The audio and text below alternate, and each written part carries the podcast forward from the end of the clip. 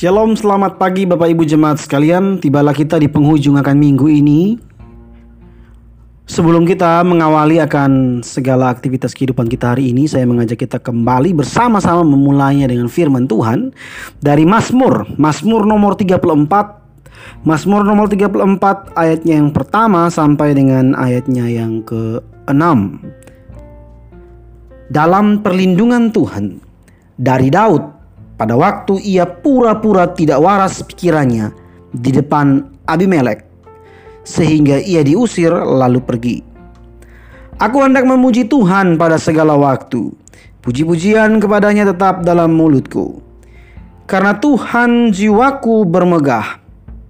Biarlah orang-orang yang rendah hati mendengarnya dan bersuka cita.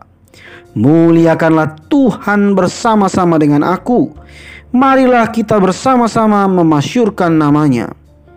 Aku telah mencari Tuhan lalu ia menjawab aku dan melepaskan aku dari segala kegentaranku. Tunjukkanlah pandanganmu kepadanya, maka mukamu akan berseri-seri dan tidak akan malu tersipu-sipu. Bapak Ibu jemaat sekalian, kita tentu tahu balon ya. Jika balon itu ditekan, balon diisi air terus ditekan, maka air atau udara di dalamnya itu akan mencari saluran untuk terlepas keluar. Ditekan di atas, dia akan meletus ke bawah. Ditekan di samping kiri, dia akan meletus ke samping kanan. Singkat kata, air atau udara akan mencari saluran pelepasan sebagai reaksi atas tekanan. Begitu juga dengan jiwa manusia. Apabila tertekan, jiwa akan mencari jalur pelampiasan. Dalam bacaan kita pagi hari ini, kita melihat tentang Daud. Daud tidak kurang-kurang mengalami tekanan dalam hidupnya terutama kalau ia menjadi buronan Raja Saul. Dicari, diancam, dijebak, diburu, dimusuhi, hendak dibunuh, kehilangan jabatan dan pekerjaan, kehilangan sahabat, jauh dari sanak saudara dan orang tua, kehilangan istri. Pokoknya hidupnya itu penuh dengan beragam tekanan batas antara waras dan gila terasa amat tipis. Tak heran suatu saat muncul pikiran untuk berpura-pura gila demi menyelamatkan diri. Ketika Daud tidak menemukan tempat yang aman lagi di wilayah Israel, maka dia melarikan diri ke negeri orang Filistin. Maka di hadapan Abimelek itu dia berpura-pura gila. Berpura-pura gila tentu untuk menyelamatkan dirinya karena Daud adalah orang yang terkenal.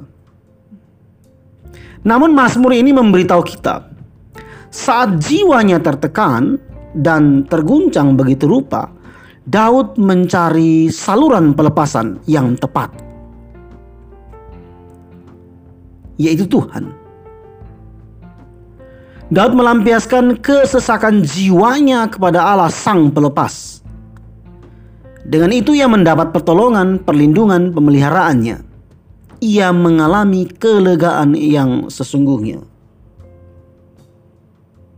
Di bagian yang lain dia berkata bahwa Tuhan adalah gembalaku takkan kekurangan aku. Ia membaringkan aku di padang yang berumput hijau, di air yang tenang.